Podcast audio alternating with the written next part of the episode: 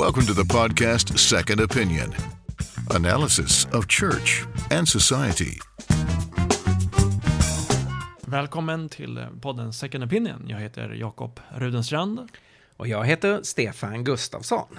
Kyrka i media är ett väldigt hett ämne. Eh, och man kan ju säga att eh, innan vi kommer in på eh, vårt huvudsakliga ämne idag kan vi säga att SIA har ju varit i media en hel del den här veckan. Det stämmer. Svenska Evangeliska Alliansen har funnits i eh, ganska mycket samfundspress och det är ju utifrån, eh, utifrån de glädjande nyheterna att eh, Olof Edsinger kommer att gå in som ny generalsekreterare eh, efter mig och det känns fantastiskt roligt. Mm, det känns väldigt spännande att, att få en, eh, en till kollega eller en ny kollega som är en aningen yngre än dig, Stefan. det kan du behöva. ja, verkligen. Och för den som vill veta mer om Olof så går det jättebra att läsa mer om honom på vår hemsida www.sea.nu. Eh, kyrkan och media är ju ett, ett eh, intressant ämne som eh, väcker många känslor och eh, eh, senaste veckan så eller veckorna så har eh, församlingen Hillsong varit i media. Eh, det började med en en P1-dokumentär där en journalist hade följt pastorn Andreas Nilsen och eh, församlingen eh, ett, eh, en längre tid och gjorde en dokumentär dels om Andreas Nilsens liv, väldigt intressant och väldigt Um, rörande få höra om hans personliga vittnesbörd och om hur Gud använder honom idag för att nå, nå unga människor. Och då, och då har Aftonbladet hakat på detta och fokuserar på, på Hillsongs församlingen, församlingen Hillsongs verksamhet.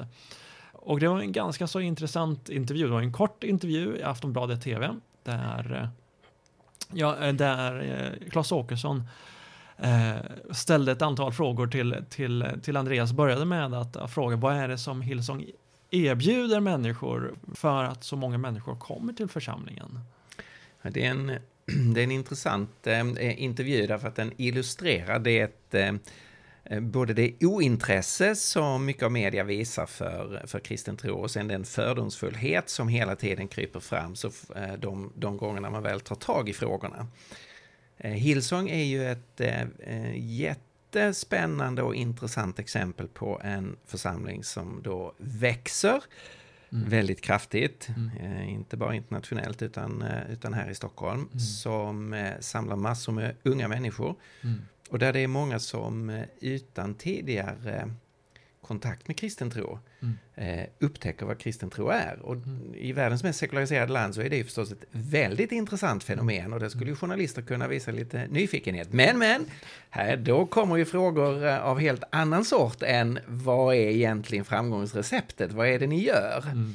Ja, precis. Direkt efter att man ställer frågan om Um, om vad är det som drar människor och, och Andreas ger väldigt bra svar att de erbjuder någonting som är um, något som ger mening i livet, någonting som är större än vad som kan köpas för pengar eller det som uh, ger större mening i livet än, eh, än fler likes på Facebook till exempel. Och det skulle man verkligen ha önskat att Aftonbladet hade borrat vidare på. Vad är det för sorts budskap som, som Hillsong erbjuder? Eh, men istället så går man in på frågor som har med samkönade äktenskap som har blivit lite grann av en klassisk, eh, klassisk fråga i mediasammanhang när man frågar ut eh, frikyrkor i dagens samhälle. Ja, det är, det är väldigt märkligt därför att eh, om, man, eh, om man lyssnar till eh, undervisningen på Hillsong så möter man aldrig någon undervisning eh, om de frågorna. Mm. Eh, och eh, istället, alltså det, det, som journalister borde göra är ju att eh, faktiskt försöka förstå det som, eh, det som faktiskt kommuniceras och det som mm. Är fokus och det som i det här fallet då gör att en församling har blivit väldigt, väldigt attraktiv. Men då, mm. det är ju det här som det fördomsfulla kommer in, mm. att då ska man Eh, ställa en eller två frågor som är det som journalisten tycker är viktigt. Mm. Och då blir det det här klassiska som många upplever att de, de pressas att, att, eh, att svara väldigt kort, eh, inte har tid och möjlighet att nyansera sig och, och förklara hur man tänker som kristen och som kristen församling i enlighet med vad Bibeln lär. Andreas gav ett ett eh, bra svar med tanke på den, den tid som han hade på sig att eh, svara. Eh, men det är väldigt intressant att, eh, att man från Aftonbladets sida väljer att fokusera på den här på den här frågan. När det finns tusen andra frågor att gå djupare på när det gäller eh, församlingsbygge, hur man når, vad, vad, är det som gör att många unga människor dras till Hillsong? Vad är det som gör att, som du sa tidigare Stefan, i världens mest sekulariserade land, i, i Stockholm av alla städer, gör att människor flockas till kyrkan eh, varje söndag och senast jag kollade så hade Hillsong fem gudstjänster en söndag. Ja, det är en väldigt fascinerande, eh, fascinerande utveckling. Självklart så kan journalister som Aftonbladet gjorde då ställa frågor om sex och pengar. Mm. Eh, och den som är kristen har, eh, är inte rädd för att eh, samtala och diskutera eh, kring det. Eh, men, men det blev väldigt ensidigt mm. att, att det nästan aldrig blir intervjuer kring det som är själva växtkraften mm. för församlingar, vad, vad kristna i grunden tror på. Mm, precis. En annan person som har reagerat på, på gudstjänster och eh, på, på församlingar är eh, DN-journalisten Johan Kroneman som i en eh, tv-krönika sågade SVTs gudstjänster. Han tycker att eh, om Jesus skulle komma tillbaka idag så skulle han säkert somna vid en, eh, vid en tv-gudstjänst. Ja, det var en sågning längs fotknölarna och det är klart att tv-gudstjänsterna är ganska hårt mallade, alltså att de följer en, en, en ganska strikt eh, ganska strikt ram och innehåller inte, inte så, mycket, så mycket överraskningar. Eh, å mm. andra sidan så tyckte jag nog att Kronemans eh, artikel inte var så lite arrogant när eh, man går in och, och mästrar kristenheten mm.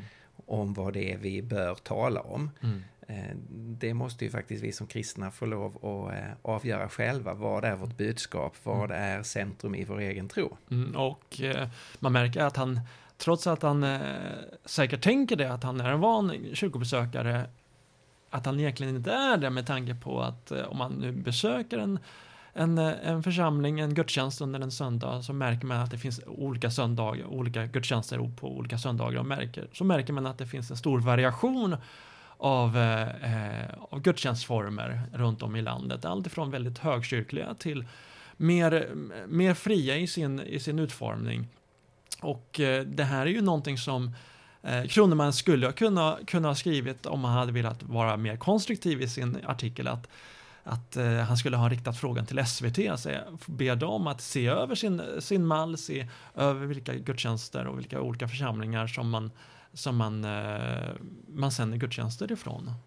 Och här eh, vet jag att det handlar ju väldigt mycket om de resurser som tilldelas. Att eh, gudstjänstbevakningen är oerhört styvmoderligt mm. behandlad. Mm. Så om om religions-tv hade fått de resurser som eh, Melodifestivalen får mm. så hade man också kunnat producera en helt annan sorts eh, tv-gudstjänst. Ja, så Mm. Så här är det många sådana saker som finns med i bakgrunden. Och med tanke på att, att det kyrkan gör och det kyrkan är i, i Sverige idag är så mycket mer än, än bara än den eh, underhållning som Melodifestivalen ger. Den, när kyrkan ger hopp, riktigt hopp jämfört med det, som, eh, med det väldigt materiella som eh, Melodifestivalen ger. Mm.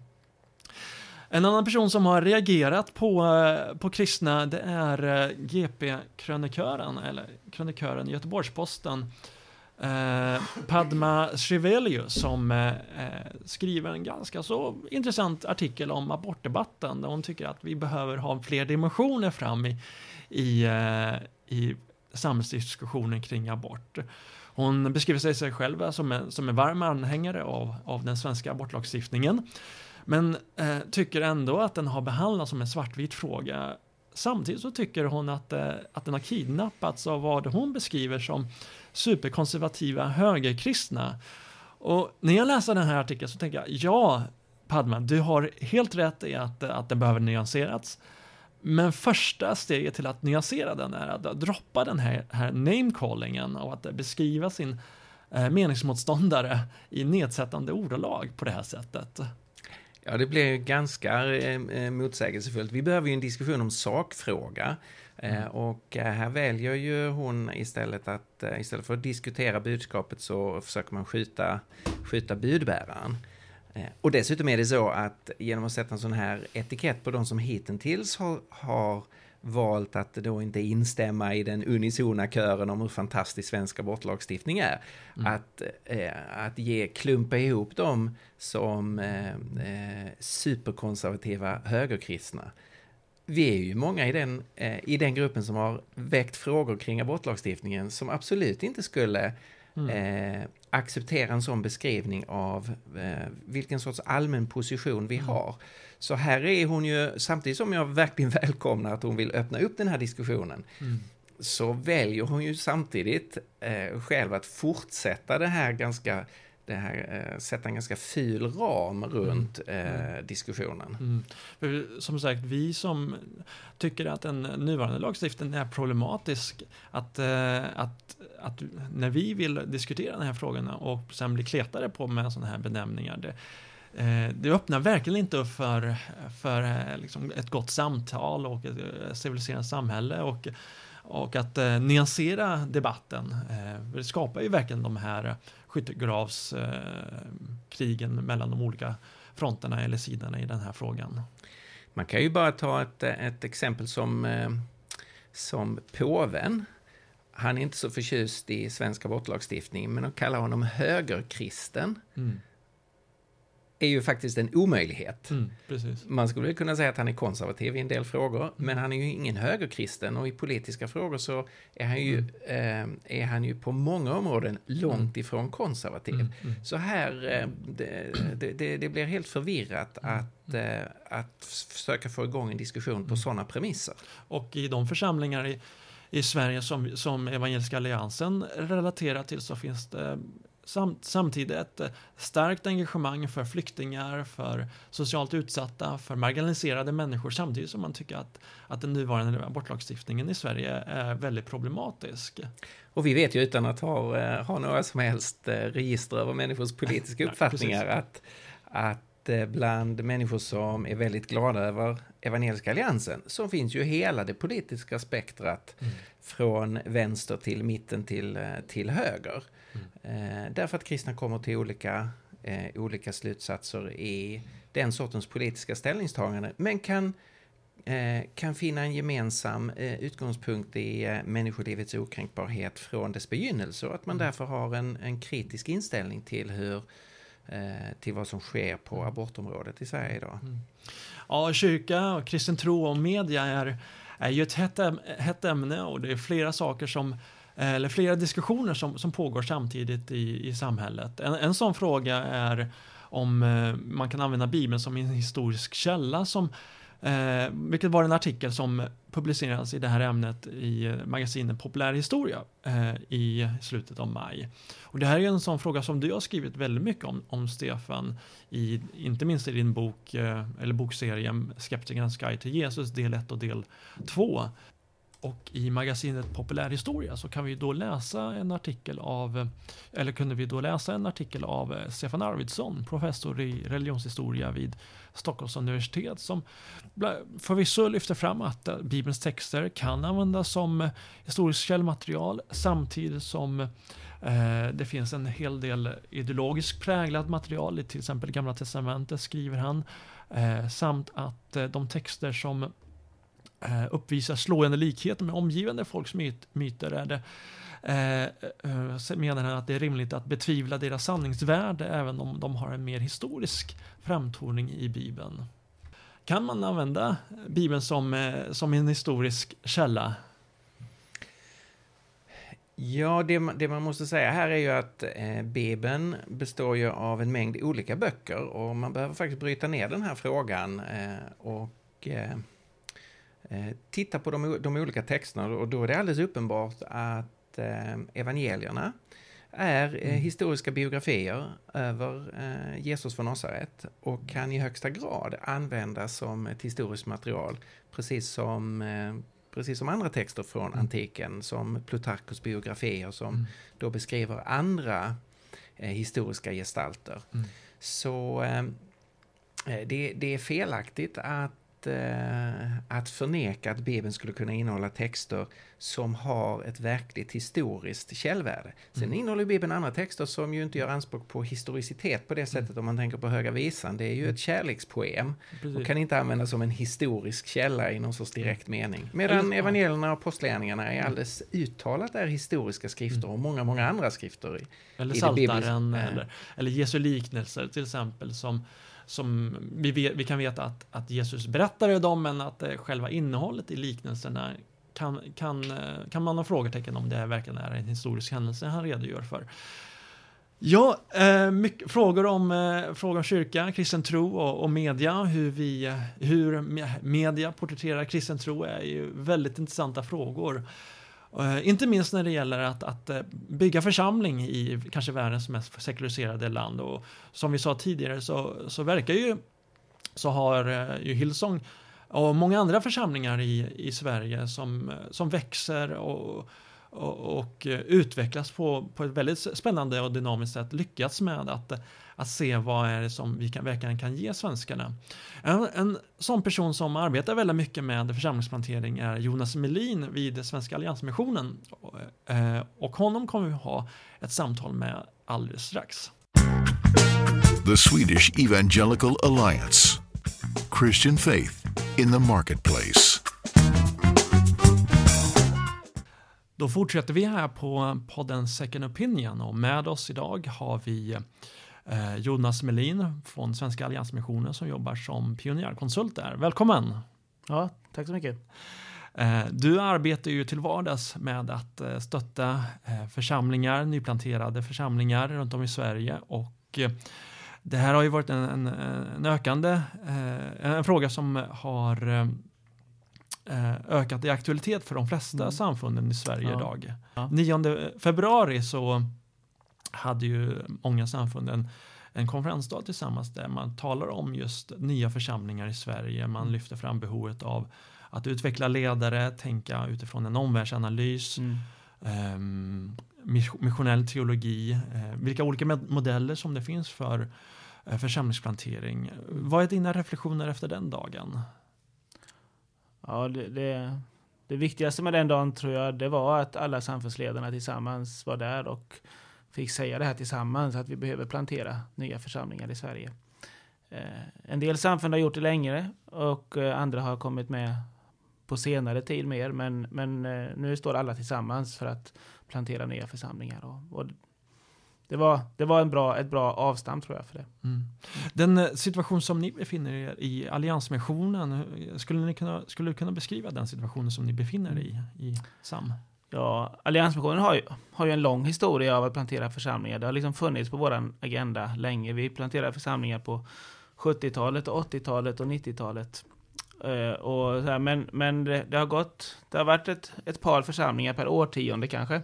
Så, så att det har gått ganska långsamt. Och vi är väl, det är så här, vi har ju basen i Jönköpings län och så har vi planterat församlingar i Halland och Skåne och Stockholm och Göteborg. Då, och, så, men men det, vi står nu i en situation där vi vill höja tempot och eh, vi, behöver, ja, vi vill göra mer och göra det fortare kan vi säga. Mm.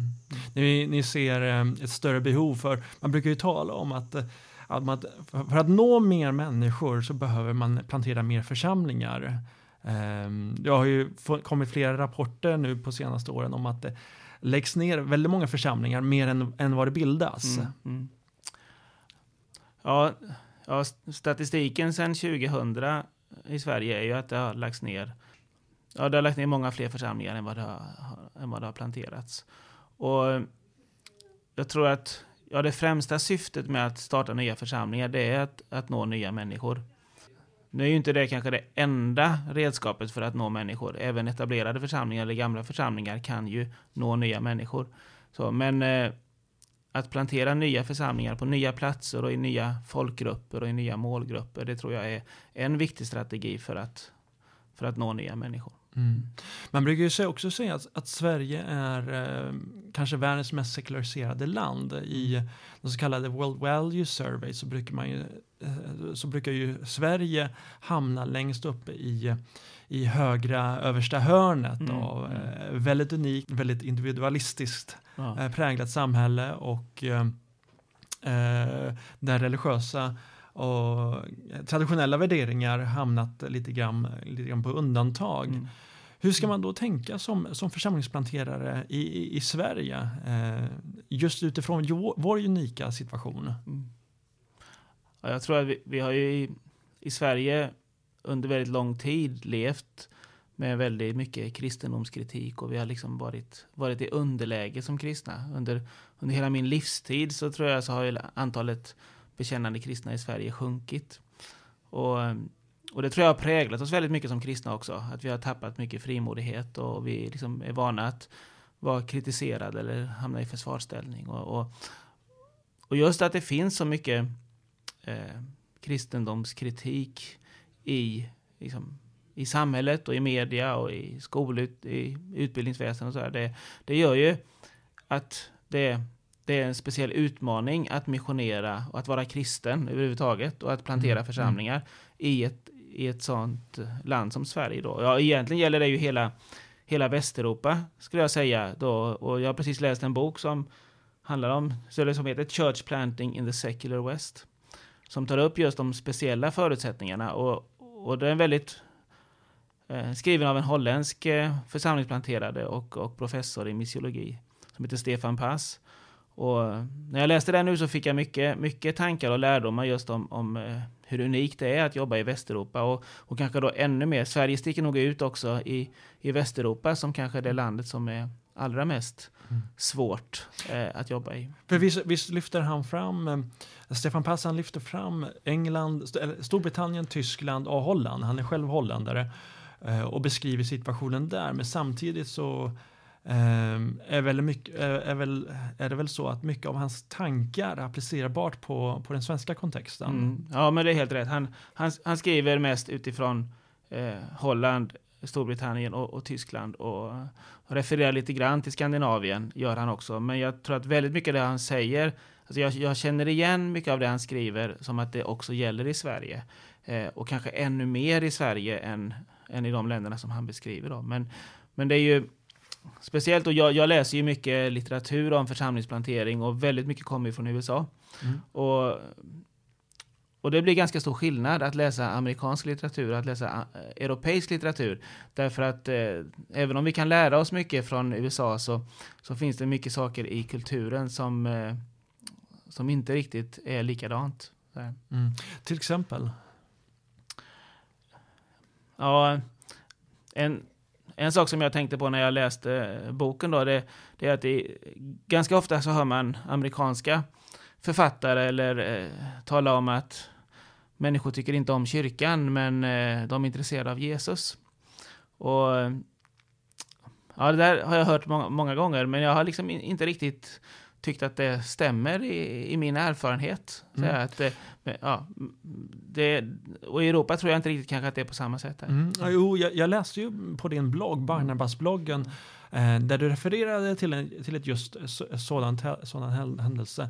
Eh, där eh, eh, du var i ett sammanhang där, där en talar om, talar om just detta, att eh, människor är intresserade av Jesus, inte intresserade av kyrkan. Mm. Eh, men att det eh, i Sverige och i Skandinavien är, är väl, ser väldigt annorlunda ut. Där Mm. är det snarare tvärtom Ja, i många ja, sammanhang. Ja, det var intressant. Det, var- det, var, det var en amerikansk teolog och, eh, eh, och han pratade just om evangelisation och mission och, och han eh, slog fast det som en sanning, liksom så här att människor tycker inte om kyrkan, men de är intresserade av Jesus. Och eh, så var vi, jag och en eh, ja, min kollega i det norska missionsförbundet som eh, liksom ifrågasatte det och eh, han från Norge då eh, han, han, han sa att ja, men i, i vårt sammanhang så är det snarare så att eh, ja, de flesta har inget stort problem med kyrkan. De, de tycker den är okej, men religion, men, men Jesus är religion och religion, det vill man inte prata om.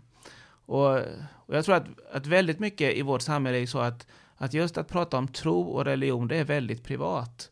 Det, det pratar man inte om så mycket offentligt eller eh, med, med andra. Mm. Eh, och, och det kanske är svårt att förstå eh, just hur, hur svårt människor i eh, en sekulariserad kultur har att prata om religion och religiösa frågor. Och då blir också Jesus svår att prata om för många. Mm. Naturligtvis inte för alla. Och det finns ju andra liksom, fickor i vårt samhälle. Jag, jag är ju med i en församling på Råslätt i Jönköping som är ett mångkulturellt område. Och där är ju, finns det ju människor från hela världen. Och där kan religion vara ganska offentligt och ganska lätt att prata om. Eh, så, så att i, i, vissa miljöer så är inte sekulariseringen så stark. Men, mm. men, eh, men för många sekulariserade svenskar så tror jag att eh, det är svårt att prata om mm. tro. Mm. Mm. Eh, Stefan Pass talar i, i sin bok om, om tre saker som vi, vi befinner oss i. Alltså, ja. Post-Christendom, eh, som du kallar för post-kristendomstiden. Ja, eller e- eh, efter kristendomstiden har vi kallat det. Ja. Mm. Eh, Post-Christianity och post-modernity. Um, ja. Om du skulle sammanfatta vad de här olika aspekterna har, vad, vad ger de för lärdomar för en mm. församlingsplanterare idag? Ja, men det är intressant. Jag har, jag har jobbat ganska mycket med, med alla de där begreppen. Och om man tänker postmodern då, så är det ju, ja, det är ju ett vitt begrepp och kan vara lite svårt att, att, att definiera, men, men eh, modernismen, det är ju liksom tron på förnuftet och på liksom, vetenskapen och de stora berättelserna. Medan i det postmoderna samhället så är det mer mer, man litar på känslor och upplevelser och tror inte så mycket på att det finns stora sanningar och absoluta mm. sanningar. Jag menar, postmodernismen, dragen ut i sin yttersta spets, så är ju allt relativt och det finns ingen sanning. Och, och jag tror att det... Alltså på ett sätt så kan man känna sig hotad av det, att människor inte tror på absolut sanning. Då. Men på ett sätt så kan man också säga att det öppnar upp, man får presentera evangeliet på lite annorlunda sätt. Människor är mer öppna för andliga erfarenheter och, och så, så att postmodernismen kan ge en kan vara en dörröppnare tror jag för evangeliet också, för andliga erfarenheter. Och efterkristendomstiden då, eller det, det handlar ju om att eh, vi har levt under, under ja, ända sedan eh, kristendomen blev statsreligion i romarriket så har vi levt i hela Europa med ett system där kristendomen och kyrkan har haft makten. Mm. Och eh, format kulturen och, och så. Och det har kanske funnits fördelar med det, men det har också funnits nackdelar därför att eh, kristen tro, tror inte jag, mår bra när den liksom eh, har makten eller står i förbund med staten. Och eh, nu när så här, när vi nu är i post-kristendom då, eller efter kristendomstiden, då när kyrkan inte längre har makt, utan kyrkan är i marginalen, kyrkan är förföljd, kyrkan är liksom bara främlingar och gäster, har ingen makt utan bara sitt vittnesbörd att komma med, då blir det lite mer som den första kristna tiden i romarriket. Och, mm. och vi, vi måste helt enkelt eh, förstå att som som församlingsplanterare och som kristna så kommer vi underifrån. Vi har bara vårt vittnesbörd, vi har bara vår gemenskap. Liksom. Vi har ingen makt från samhället att komma med. Så att egentligen så tror jag att både postmodernism och, och efterkristendomstid då kan på ett sätt också vara möjligheter för kyrkan och för evangeliet om vi förstår hur vi ska hantera den nya mm. situationen. Att vi har en rätt diagnos av, av problemet och inte, och inte tänker att vi vi utgår från en annan diagnos av, eh, av, av, eh, av det, den utmaning som vi befinner oss i. Precis, alltså det, det är lätt att tänka att vi ska fortsätta med samma verktyg och samma arbetssätt som vi hade på 1800-talet, för det fungerade då. Mm. Precis, på den tiden så hade man en viss förförståelse av kristen tro, vad evangeliet handlade om, vad, vad det innebar att vara fallen i synd och mm. att vi behövde alla eh, omvända oss till Gud. Mm. Ja, och man kan ju säga att väckelserörelserna på 18 och början på 1900-talet, de byggde ju helt på att det fanns en sån förförståelse i samhället, i kulturen. Det byggde på säga, det kristna samhället. Då. Och mm. eh, nu finns inte det längre, så då måste vi tänka att vi missionerar på ett annat sätt. Men jag tror inte att det för den skull är hopplöst. Alltså det finns mm. andlig längtan, det finns behov att anknyta till. Och så, så det här med postmodernt och eh, post-kristendom, eller efterkristendom, det, det kan ses som möjligheter också. Och, och, och, när jag läser den här boken då, så han tar ju upp det här då att vi inte får glömma att Europa också är efterkristet, eller post-christian, som han säger då. Och det har inte jag innan sett någon betona på samma sätt. Så det blev lite, för mig, för jag har egentligen bara pratat om de två andra då, mm. postmodern och eh, eh, post-kristendom. Eh, men att också prata om post-christian och att, eh, att det finns så mycket antireligiös stämning i Europa mm. i media och utbildning och så som gör att det, att det blir extra svårt. Mm. Och, och, och, jag tror som församlingsplanterare så mm. tror jag att man måste tänka att det, det är hårt jobb och det tar tid. Mm. Eh, det går inte fort och det finns inte snabba resultat. Mm. Eh, på tal om just eh, utbildningssystemet, det kom ju ut en, en avhandling för eh, ungefär ett år sedan av eh, eh Karin Schittermans Fleitzner vid, eh, vid Göteborgs universitet som lyfter fram just hur den här eh, hur det fanns en, liksom en genomgående inställning till religion i religionsvetenskapsämnet eller religion, mm, religionsundervisningen. Mm, mm. Eh, och i synnerhet när det gäller kristen tro, att det var någonting som man gjorde, trodde på förr i tiden men Eh, men nu när vi är moderna människor, nu när vi har blivit upplysta och mm. eh, utbildade så är det inte någonting som vi längre behöver hålla kvar vid. Mm. Och detta, har ju, eh, detta spelar ju in på eh, de människorna som man vill plantera församlingar omkring och försöka nå genom mm. nyplanteringar. Mm. Och eh, är det någonting som du tror man har eh, i beaktning på när man planterar församlingar? Ja, jag vet inte riktigt. Det, det där är nog ganska olika. Alltså, det, ganska mycket församlingsplantering sker, tror jag, i den grupp av människor som fortfarande har någon sorts kontakt med kyrkan. Alltså vi, det är inte så många som verkligen planterar i de helt sekulariserade miljöerna eller verkligen försöker nå de människor som inte har någon alls kontakt med kyrkan. Eh, och många som kommer till tro i, i Sverige, det är ju invandrare mm. med olika religiös bakgrund och, och, så som kanske är lite lättare att uh, nå. Eller de, de är mer, mer medvetna om mm. den religiösa dimensionen, de tror på Gud kanske mm. Man har vissa gemensamma plattformar Pre att utgå ifrån. Pre precis. Uh, och så, så det är väl ingen riktigt som har löst frågan, alltså hur når man verkligen de sekulariserade? men vi har Ja, jag, jag, vet om några församlingsplanteringar som verkligen mer liksom försöker undvika att nå de som är nära den kristna tron, mm. utan mer verkligen vill rikta in sig på de som är långt borta. Och, och, alltså jag tror att det är några faktorer som spelar in. Dels tror jag att man måste räkna med ganska långa tidsprocesser. Eh, lite grann som att jämföra med eh, mission i muslimvärlden som eh, nu kanske ganska mycket muslimer kommer till tro runt om i världen, men, men tidigare var det inte så, utan man räknade med ganska långa tider. Eh, och, eh, eh men sen tror jag också att där att bygga relationer, att plantera gemenskaper som genom sitt liv, alltså ju, ju, ju längre bort människor är från tron, desto större betydelse tror jag livet har att leva ut liksom, i Kristi en kärleksfull gemenskap och visa med sina, liksom, sina liv att man lever trovärdigt och, och, och att det kan öppna upp eh, människors intresse och nyfikenhet som så småningom kan leda fram till mm också att man ställer frågor om tron och börjar fundera mm. över det. Så, så det kanske låter enkelt eller simpelt, men, men på något sätt är väl ändå kärleken den nyckeln som kan öppna människors hjärtan och som eh, är speciellt viktig just att, att nå sekulariserade människor. Och det är därför som Ja, ibland säger man ju så här att, att eh, förr i tiden så evangeliserade man och när människor kommer till tro så startade man en församling. Och det låter ju väldigt naturligt eh, och sådär, men men nu tänker vi ju ofta lite tvärtom nästan. Vi tänker att vi ska, vi åker till en plats och startar en församling och använder den som bas för att evangelisera. Mm.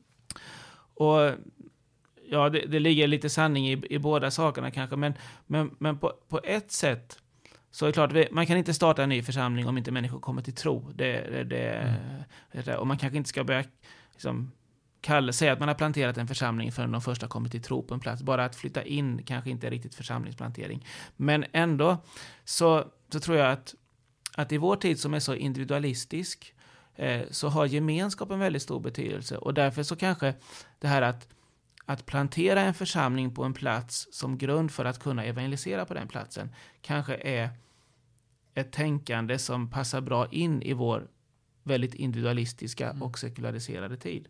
Därför att om vi, om vi bara evangeliserar och människor kommer till tro en och en, så, här, så finns det risk för att de bara fortsätter leva sitt individualistiska liv. Då. Mm. Utan därför måste liksom församlingen finnas där för att Mm. visa att det, att det här lever vi tillsammans. Mm. Också för att bryta ensamheten Kan- i, i- i de flera av de sekulariserade och mest individualistiska eh, platserna, till exempel i Sverige, storstadsregionerna, så eh, finns ju undersökningar som också pekar på att människor lever väldigt ensamma och Ja, isolerade ja, liv. Ja.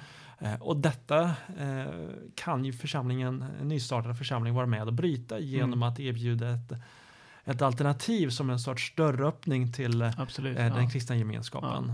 Jag såg den här dokumentären The Swedish Theory of Love för ett tag sedan om, om individualismen och ensamheten i, i Sverige. Och, och det, det är klart, det är ju, det är ju monumentalt. Eh, Just det, den Eh, bygger på Lars Trägård, historikern Lars Trägårds bok Är svenska människa. ja, just det. Ja. Eh, Ja. och den, den, den innehåller ju väldigt intressanta eh, tankegångar. Ja, ja, ja, det, det är mycket intressant i den filmen och, och speciellt eh, den polske filosofen Sigmund Bauman som kommenterar på slutet och, och han säger ju där ungefär att, att det är folk som har liksom, ett, ett folk som har tränats eh, till självständighet förlorar förmågan till att leva i gemenskap, eller un, ungefär så, Mm. lite fritt. Så, och, jag, och jag tror att det, det ligger någonting i det. Alltså vi, vi har blivit så tränade som svenskar att vara oberoende och självständiga och inte beroende av någon. Att, att vi nästan kollektivt har tappat förmågan till närhet och gemenskap och nära relationer. Och, och, och det är ju en, det är ju en jätteutmaning som församling eftersom jag menar, församlingen är tänkt att vara en gemenskap. Den är framförallt en gemenskap. Jesus Mm. säger att vi ska älska varandra som han har älskat oss. Mm.